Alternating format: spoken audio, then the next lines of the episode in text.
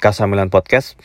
Oke, untuk saat ini uh, gue ngetek setelah pertandingan Udinese Milan ya, beberapa jam lah.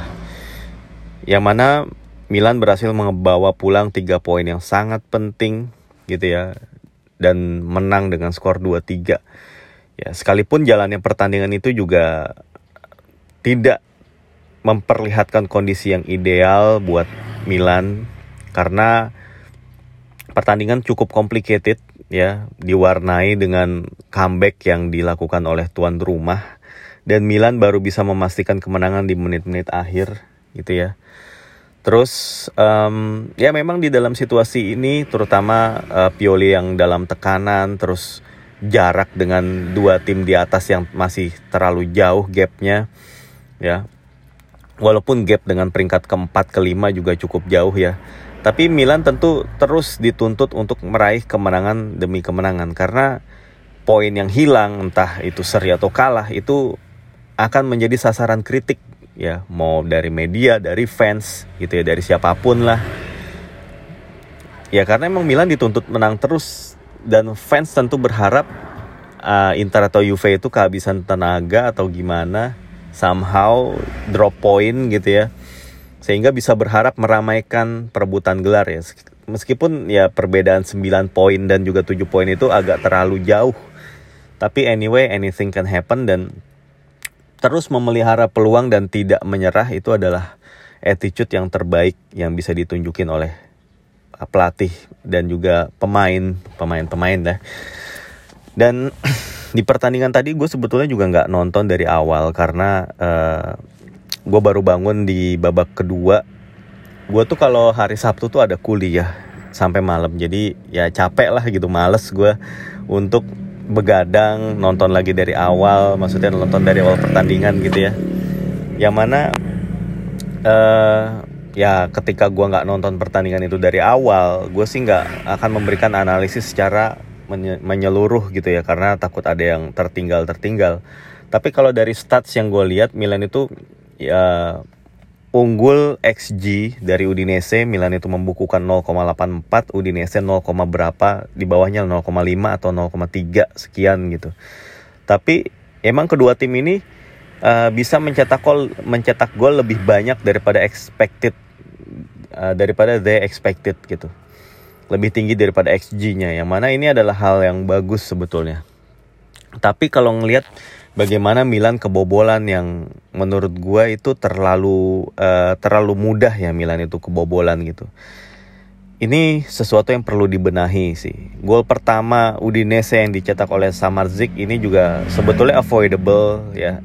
Tapi ya Samardzic dengan pace-nya berhasil itu ngegocek Simon Kayer ya kalau gua nggak salah ya.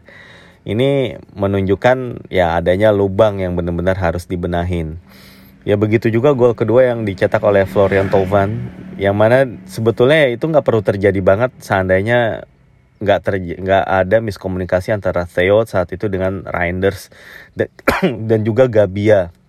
Ya, Theo kehilangan bola, uh, Tovan itu uh, lolos, Gabia telat nutup ruang tembak dan Mike Menyong juga jadi telat refleksnya.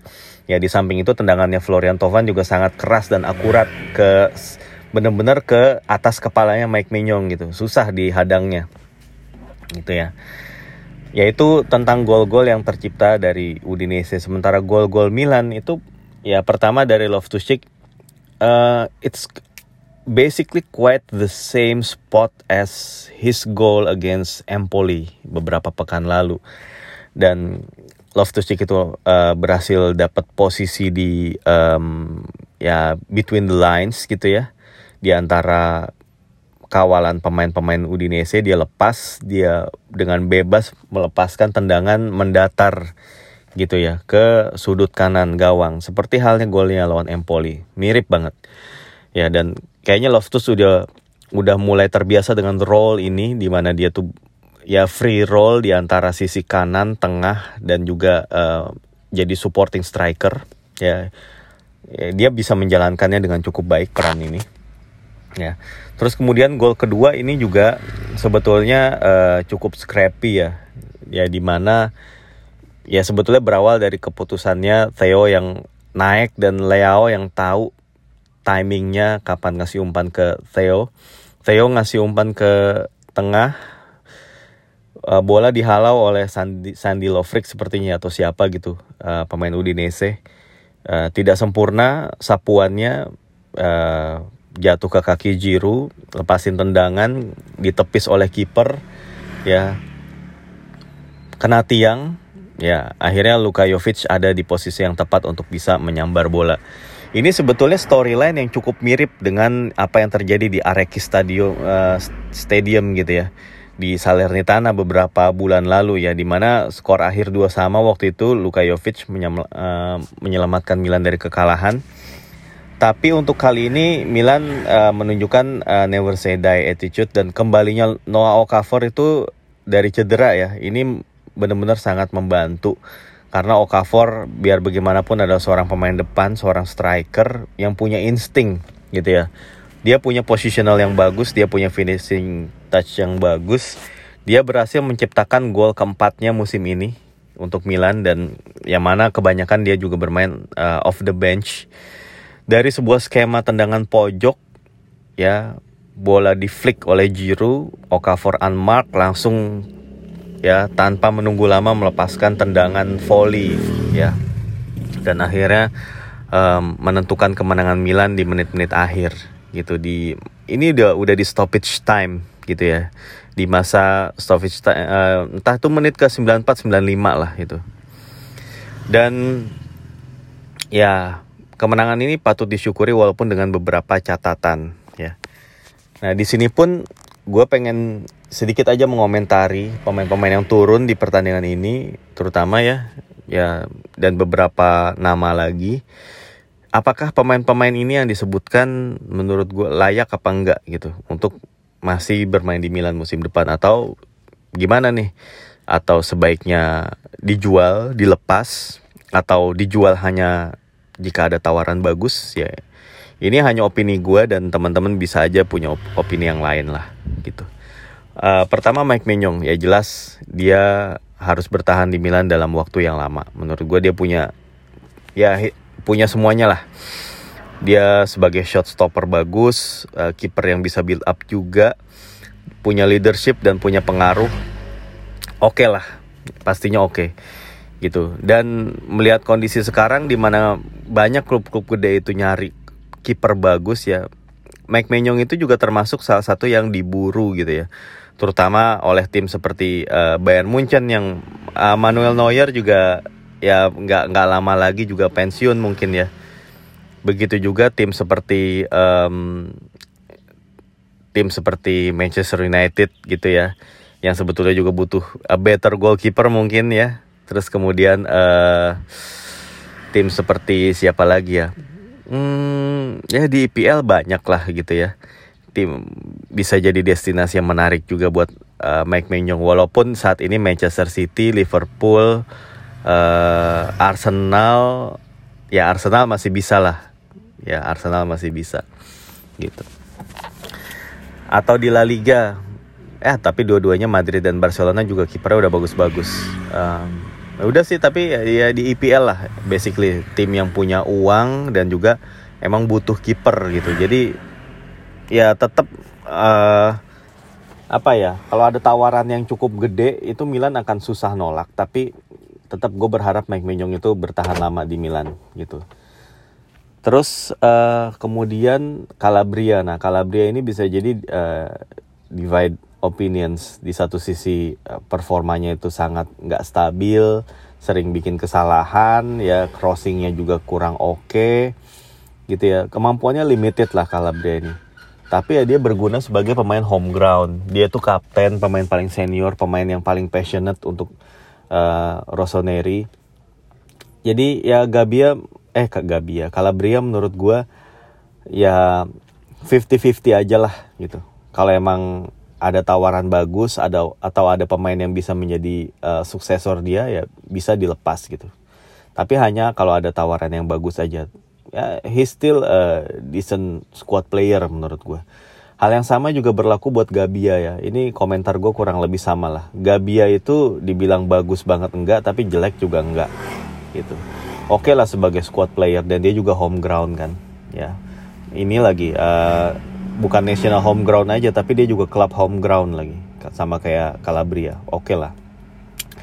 Nah Simon Kyer ini menurut gue udah kelar ya um, ya due to respect gitu ya with all due respect dengan kontribusinya dia selama beberapa musim terakhir.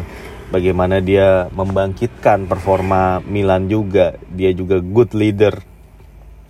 Pemain paling senior yang punya influence di ruang ganti ya salah satu gentleman terbaik di dunia sepak bola gitu ya. Tapi yang ngelihat dia yang semakin lamban gitu ya. Ya di game yang paling cepet eh yang yang semakin cepet ini ya game sepak bola yang semakin cepet ya he's not up to the task gitu ya unfortunately. Jadi ya kalaupun misalnya dia diperpanjang itu karena mungkin manajemen ngelihat hal lain tapi otherwise menurut gue ya kalau kontraknya habis nggak usah diperpanjang gitu. Dan thank you banget buat kontribusinya sejauh ini. Ya terus kemudian Theo ya menurut gue Theo terus harus dipertahanin. Ya dia adalah pemain yang untouchable ya dan ditambah um, musim ini. Sekalipun mungkin orang banyak yang beranggapan kontribusi ofensifnya dia itu um, tidak sebaik musim sebelumnya. Tapi tetap menurut gua Theo itu sekarang jadi pemain yang lebih mature gitu ya. Dia tahu kapan harus naik, kapan harus stay dan ditambah lagi positional sense-nya juga makin bertambah bagus terutama saat dia itu ditugasin jadi center back ya jadi center back dan jadi full back itu kan dua hal yang berbeda dan Theo bisa melakukan role sebagai center back itu dengan sangat baik ya untuk mengisi kekosongan yang sejauh ini ditinggalin oleh Tomori yang cedera. Menurut gue Theo uh, ya jelas ya untouchable sih menurut gue pemain paling untouchable selain selain dari Mike Mignon di squad ini. Terus kemudian um, di tengah Yasin Adli ini benar-benar nunjukin progres yang bagus gitu ya. Dia men, apa ya mendapatkan buah dari kesabarannya selama ini. He's uh, uh, dia adalah pemain squad yang sangat menyenangkan sepertinya. Terlihat dari inisiatif dia mengundang uh, barbecue party rekan setimnya di akhir musim. Terus dia dengan sabar menunggu kesempatan dia posisinya juga diubah. Dan sekarang mulai bisa menemukan permainan terbaiknya gitu. Ya walaupun beberapa pertandingan di putaran pertama kemarin dia sering bikin kesalahan, positional sense-nya belum oke, okay, defensive contribution-nya juga belum oke, okay, tapi makin ke sini makin bagus dan ya keuntungan uh, seorang mantan gelandang serang untuk menjadi gelandang bertahan ya itu adalah visi terutama ya walaupun terlalu jauh ngebandinginnya dengan Andrea Pirlo tapi jelas Yasin Adli ini adalah gelandang yang punya visi paling bagus saat ini di Milan gitu. Dia bisa ngelihat hal-hal yang nggak dilihat pemain lain. Dia bisa mengirimkan umpan lambung yang sangat akurat gitu ya. Dia juga seorang set piece taker dan menurut gue ya ya dengan posturnya yang juga tinggi dia juga bisa memenangkan banyak duel udara. Ya, dia tinggal membenahi defense-nya aja. Ya, dan ya Yasin Adli gue sih berharap dia musim depan stay. Hal yang sama juga ya langsung ya Tijani Reinders dan Stick dua pemain ini uh, latest acquisition di musim ini. Dan mereka ngebuktiin diri berhasil beradaptasi dengan baik gitu ya. Baik secara uh, cara mereka bermain di tengah role mereka gitu ya. Bagaimana mereka bisa ngatur permainan dan kadang-kadang juga mencetak gol gitu ya. Ya musim kedua gua rasa mereka akan jauh lebih baik ya terutama catatan buat Tijani Reinders, dia tuh complete midfielder dan dia bisa jadi world class andai dia punya finishing touch yang lebih baik. Itu aja sih komentar gue. Dan Love to menurut gue uh, dia juga udah menunjukkan diri sebagai pemain yang cerdas gitu ya secara taktikal. Dia biasa bermain sebagai box to box midfielder, tapi sekarang dia juga bisa bermain sebagai pemain yang between the lines. Dia bisa nyari posisi yang baik untuk menerima umpan ya dia punya tendangan-tendangan jarak jauh yang bagus. Ya menurut gue Chick asal ditangani dengan tepat dia bisa jadi pemain yang sangat krusial buat lini tengah Milan. Gitu dan dengan ya trio Adli, Loftus dan juga uh, Reinders tuh bagus banget. Ditambah lagi kalau Benacer ntar uh, balik lagi dari Piala Afrika ya dan juga Yunus Musa dengan powernya ini menurut gue lini tengah Milan cukup aman lah. Gitu walaupun tidak tertutup kemungkinan kalau musim depan ada pemain yang balik atau ada pemain yang uh, bisa datang lagi untuk bisa mengisi posisi gelandang bertahan murni gitu. Ya kita lihat aja nanti. Terus um, ya sekarang kita ke depan. Itu ada Leao, Okafor, Jovic, Pulisic dan juga Giroud gitu ya. Dan juga Luka Jovic. Menurut gue enam pemain ini ya ini uh, eh enam tadi gue nyebut ya Leao, Okafor, Pulisic, uh, Giroud, Jovic, 5. Ya, 5 pemain ini. Exclude Samu Chukwueze ya. Kalau 5 pemain ini menurut gue semuanya uh, tampil bagus musim ini. Giroud nyetak 10 gol, Okafor dan juga si uh, Jovic nyetak 4 gol, Leo 3 gol, Pulisic 7. Ya, ini cukup produktif sebetulnya. Cukup produktif di Serie A. Um, ya mereka menunaikan tugasnya dengan baik. Cuman dengan catatan Olivier Giroud ya terkendala usia juga dan juga um, sangat limited gitu. Sekalipun dia kalau di berada di posisi yang tepat dan di match-match yang tepat dia itu bisa sering jadi penyelamat atau pembawa kemenangan Milan ya dan juga termasuk juga leadershipnya, kedewasaannya dan segala macam tekniknya itu bagus. Tapi ketika Milan itu ingin expand, ingin uh, ya bermain lebih unpredictable, ya memang Milan butuh striker dengan karakteristik yang beda, striker yang bisa ngebawa bola, yang bisa link up, yang bisa uh, melakukan akselerasi, menerima umpan terobosan. Tentunya ya kalau punya striker dengan uh, apa ya, dengan spek yang kayak gitu, menurut gua akan lebih baik sih. Gitu. Jadi Giroud ya kecuali kalau dia bisa nyetak 15 gol lebih musim ini ya ya Jiro menurut gue ya biarin dia main di MLS saja gitu kecuali kalau dia punya masih terbukti punya banyak uh, he's got so many in his tank ya menurut gue nggak apa-apa Jiro menjadi squad player gitu ya menjadi backup Nah ini juga kemudian membawa kepada Luka Jovic. Luka Jovic itu kan bertahan atau enggaknya tergantung Milan ngekip Giroud atau enggak. Karena Milan anyway akan beli striker baru. Kalau Milan ngekip Giroud berarti peluang Luka Jovic untuk diperpanjang menipis juga. Tapi ya seiring waktu gue ngeliat Luka Jovic juga sangat bagus gitu. Sangat uh, punya positional sense yang bagus, layaknya striker, punya finishing touch yang baik. Ya, Luka Jovic juga lebih muda, dia juga bisa uh, ya dia juga bisa memiliki daya jelajah yang lebih dari Olivier Giroud ya. Uh, cuman Luka Jovic perlu sedikit lagi menemukan confidence. Menurut gue kalau Jovic bisa uh, mencetak setidaknya 3-4 gol lagi gitu ya. Dan terutama dia bersinar di big match gue rasa Milan lebih baik memilih Jovic ketimbang Giroud. Kalau memang harus head to head ya mereka berdua gitu Anyway kalau misalnya Jiru yang udah pasti eh, dia maunya akan ke MLS ya udah Jovic pertahanin gitu. Okafor menurut gue Okafor bagus dia sa sangat efektif dia pemain yang uh, selalu siap ketika dibutuhin gitu ya. Walaupun dia sparknya tidak seperti Leo tapi somehow dia efisien gitu ya. Dia bisa nyetak 4 gol dan kebanyakan dari bench itu bagus banget terutama kayak di match kayak tadi ya dia menjadi seorang penentu ya it's a good sign for him. Menurut gue Okafor juga masih bisa bermain musim depan di Milan. Pulisic ya dia exit expectations ya, a good signing ya. Terutama uh, sebetulnya yang lebih diharapin dari dia tuh kan Samu Chukwueze di kanan, tapi dia bisa dia justru bisa tampil lebih dulu karena dia bergabung lebih awal ya.